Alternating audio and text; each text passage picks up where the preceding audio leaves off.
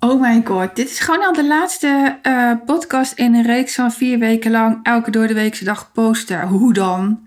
Dit ging echt zo snel voorbij en ik vond het echt zo leuk om te doen. En al jullie reacties, nou echt heel fijn. Al jullie tekst, jullie e-mailtjes, jullie WhatsAppjes, echt heel erg tof. Dus dank jullie wel daarvoor. Um, deze laatste podcast gaat over angst en wat het eigenlijk van je vraagt. Ik heb alleen wel eerst iets te delen wat mij ongelooflijk aan mijn hart gaat. En wat over een van mijn podcasts gaat. Want um, podcast nummer 23, daarin interview ik um, Manon, of ga ik in gesprek met Manon. En je zou haar kunnen kennen van Manon Heart Stories. Manon is deze week overleden. En daar wil ik toch even bij stilstaan. Want ik ben natuurlijk ook een moeder van een overleden kindje. En ik wilde heel graag zuiver omgaan met haar woorden, met haar legacy. De podcast heeft daarom, en het heeft waarschijnlijk niemand gemerkt, maar heel even op privé gestaan. Omdat ik gewoon niet wil dat ik meer luisteraars krijg doordat zij is overleden. En dat gebeurt wel, want mensen googelen, mensen lezen zo'n bericht, gaan op zoek naar wie dit is en vinden mijn podcast. Toen ik, toen ik het hoorde, toen, toen dacht ik, ja, hier moet ik echt iets mee, want ik heb zelf behoorlijk veel last gehad van mijn eigen naïviteit, dat ik sommige pers toestemming gaf om mijn verhaal te delen. En zij gingen daarmee sky high en ik niet. En um, dat mechanisme, dat gun ik niemand, want dit is echt ruk. Dus ik heb via via haar vader kunnen bereiken per e-mail. En um, ik heb hem als allereerst natuurlijk gecondoleerd en verteld dat ik heel zuiver om wil gaan met haar legacy, haar levenslessen. En gevraagd wat hij wil dat ik doe met de podcast. Ik heb hem ook een keuze gegeven. Dat is nou eenmaal fijn als je in zo'n situatie terechtkomt van goh, ik kan hem offline halen. Ik kan hem uh, tijdelijk op privé zetten en later weer openbaar zetten. En ik kan hem offline zetten en jullie de audio sturen. En toen zei hij, en ik vind dat zo mooi en ik vind het zo krachtig. Nee joh, Wen, um, laat de podcast alsjeblieft openbaar staan. Want de, de levenslessen van Manon moeten gehoord worden. En nou, daar krijg ik nog steeds kippenvel van. Um, vind ik zo mooi. Dus bij deze um, podcast 23 is weer openbaar. Ik heb de tekst wel aangepast, zodat iedereen weet dat de persoon naar wie je luistert niet meer onder ons is. Ja, wat ik wil zeggen is, luister eens naar de lessen die Manon je deelt, want ze zijn zo mooi, ze zijn zo, zo waar. En ik, ik herken ze enorm. Het is wel een, een onderdeel van iets dat ik vandaag wilde delen. En dat is namelijk angst. En wat het met je wil, wat, wat je wil zeggen.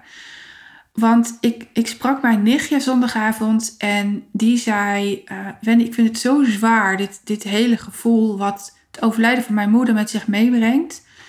Want vanaf nu zal nooit meer alles hetzelfde zijn. En dat is natuurlijk waar, want je mist iemand.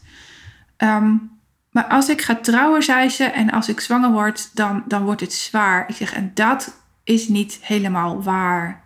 Dat is niet helemaal waar. Wat je brein namelijk doet, is die, die is een vogeltje van jou aan het maken. En als je twee halve rondjes naast elkaar tekent met een snaveltje ertussen, dan heb je een vogeltje. De linkerkant gaat over hoe het was. En, en zo wil je het niet, want je wilt anders. En de rechterkant gaat over hoe het had kunnen zijn. En het is beide verleden tijd. En toch probeer jij als hoofd zijnde, als lijf zijnde, als je eigen ik zijnde, de toekomst te bepalen. Maar dat lukt niet omdat je hoofd ertussen zit. En het snaveltje in het midden is het nu. En nu heb je misschien wel pijn. Of nu heb je misschien wel een enorm verlangen. Dat kan ook, hè? het kan een pijn en verlangen zijn. En toen vertelde ik haar wat, wat ik heb geleerd na, aan ja, mijn eigen rouwproces en mijn opleiding en wat ik zie, wat mijn klanten doen en wat ik heb geleerd van het uitdragen van mijn missie. En toen zei ik, wat, wat ik nu standaard doe, is als mijn hoofd mij weer, uh, uh, als mijn hoofd weer een loopje met mij neemt, is dat ik ga zitten en ik ga schrijven wat mijn hoofd zegt. En die gedachte is in 99% van de situaties nooit waar. Onder andere, je bent niet goed genoeg. Je moet weer een opleiding. Je, je doet je werk niet goed. Ehm, wie denk je wel niet dat je bent? Ja, hallo, ik ben ook gewoon Wendy Marsman. Eh, zeg ik dan tegen mijn schriftje. Ik, ga, ik praat ook echt tegen mijn schriftje. Er is niemand die het ziet. Er is niemand die mij van gek van kan verklaren. Want ik zit gewoon lekker in mijn eigen ruimte.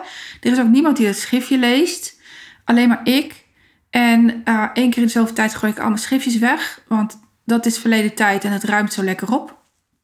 En ik maak ook direct de, uh, de ommezwaai naar hoe wil ik het.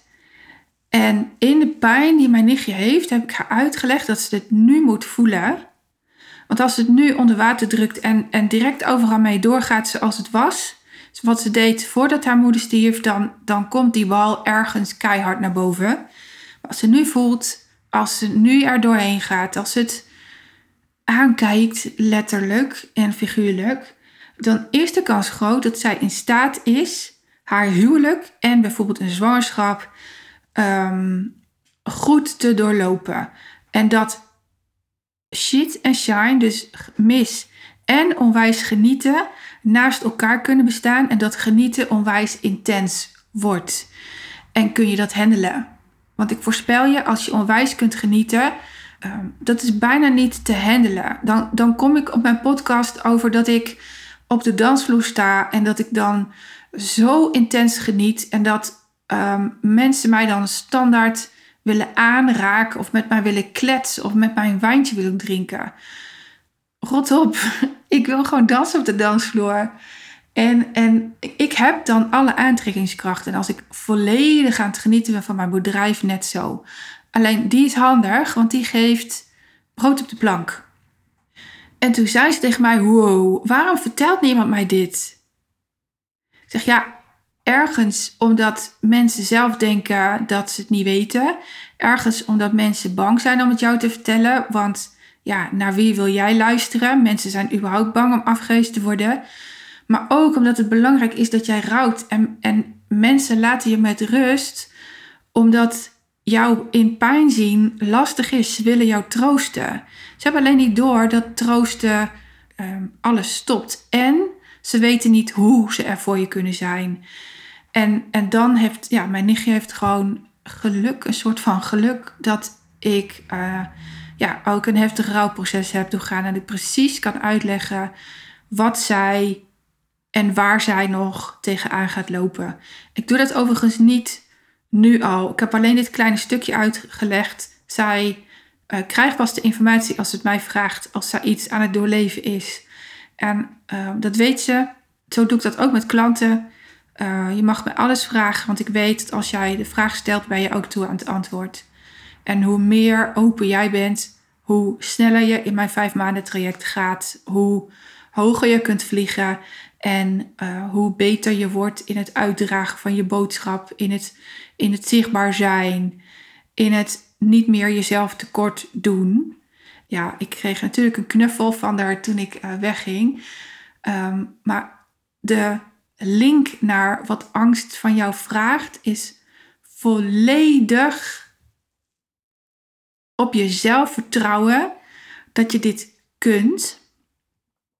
Je missie uitdragen, je, je boodschap delen, je zichtbaar zijn, uh, goed voor jezelf zorgen, je bedrijf uitbreiden, uh, groei, persoonlijke groei.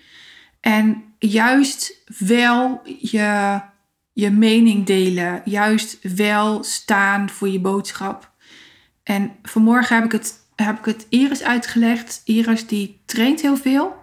En ik zei, jouw gewicht, jouw trainingsgewicht um, ligt achter jou. Dus wat jij draagt ligt achter jou. Maar het moet naar voren. Jij mag jouw gewicht naar voren. Iedereen mag jouw gewicht zien. Iedereen mag jouw waarde zien. En toen snapte ze ineens wat ze, wat ze aan het doen is. Ze verstopt het nog, omdat het gewoon spannend is om te delen.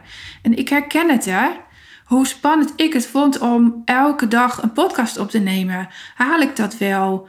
Kan ik wel waarde delen in al die podcasts? Nou, niet elke podcast is even sterk. Ik ben er ook een week heb ik heel veel moeite gehad met de podcast opnemen, omdat ik gewoon niet mezelf was. Maar ik deed het wel. En, en de waarde die daarachter zit, is dat je mijn energie helemaal mee kan krijgen. Want ik voel me nu weer fucking goed. En als het goed is, hoor je dat ook aan mijn stem, aan, aan het pitje dat ik met je deel, aan, aan, aan nou, waarschijnlijk ook de waarde. Want als ik, dit, als ik deze podcast bijvoorbeeld niet had gedeeld, als ik hem voor mezelf had gehouden, hadden nog veel meer mensen tegen hetzelfde aangelopen als, gelopen als waar mijn nichtje tegenaan liep. Gewoon niet weten wat angst van je vraagt. En angst vraagt om compleet naar nu te gaan, dus het snaveltje.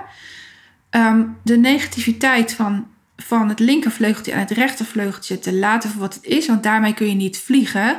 Daarmee blijf je op de bank zitten en dat dat die overtuiging hebben mensen ook over, uh, over jou als je in de shit zit. Het is moeilijk en je kan niet van de bank komen. Je bent waarschijnlijk emotioneel. je gaat misschien ook wel scheiden, dat. Maar als je het rechtervleugeltje, nou als je dankbaar bent voor het linkervleugeltje, hoe het was. En als je daar weet hoe je het niet meer wil hebben, dan kun je naar het rechtervleugeltje gaan en daar helemaal omschrijven hoe je het wel wil hebben. En daar zet je poppetjes bij die jou helpen. En reken maar dat jij vliegt. Natuurlijk wil ik um, een poppetje zijn die jou helpt. dit is niet voor niks mijn podcast. Boek dan eventjes een gratis sessie via www.wendymarsman gratis sessie.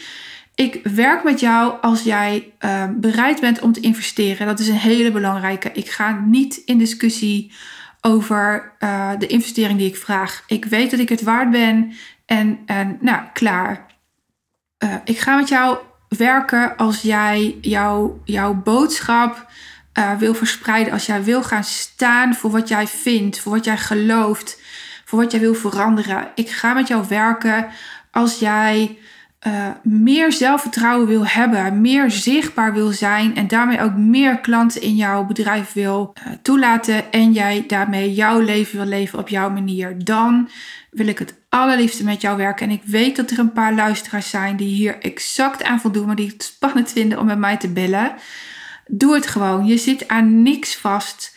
Ik geef je alvast, alvast wat tips en daar kun je al mee aan de slag. Um, maar als je het niet doet, leef je niet jouw leven en dan leef je het leven van een ander.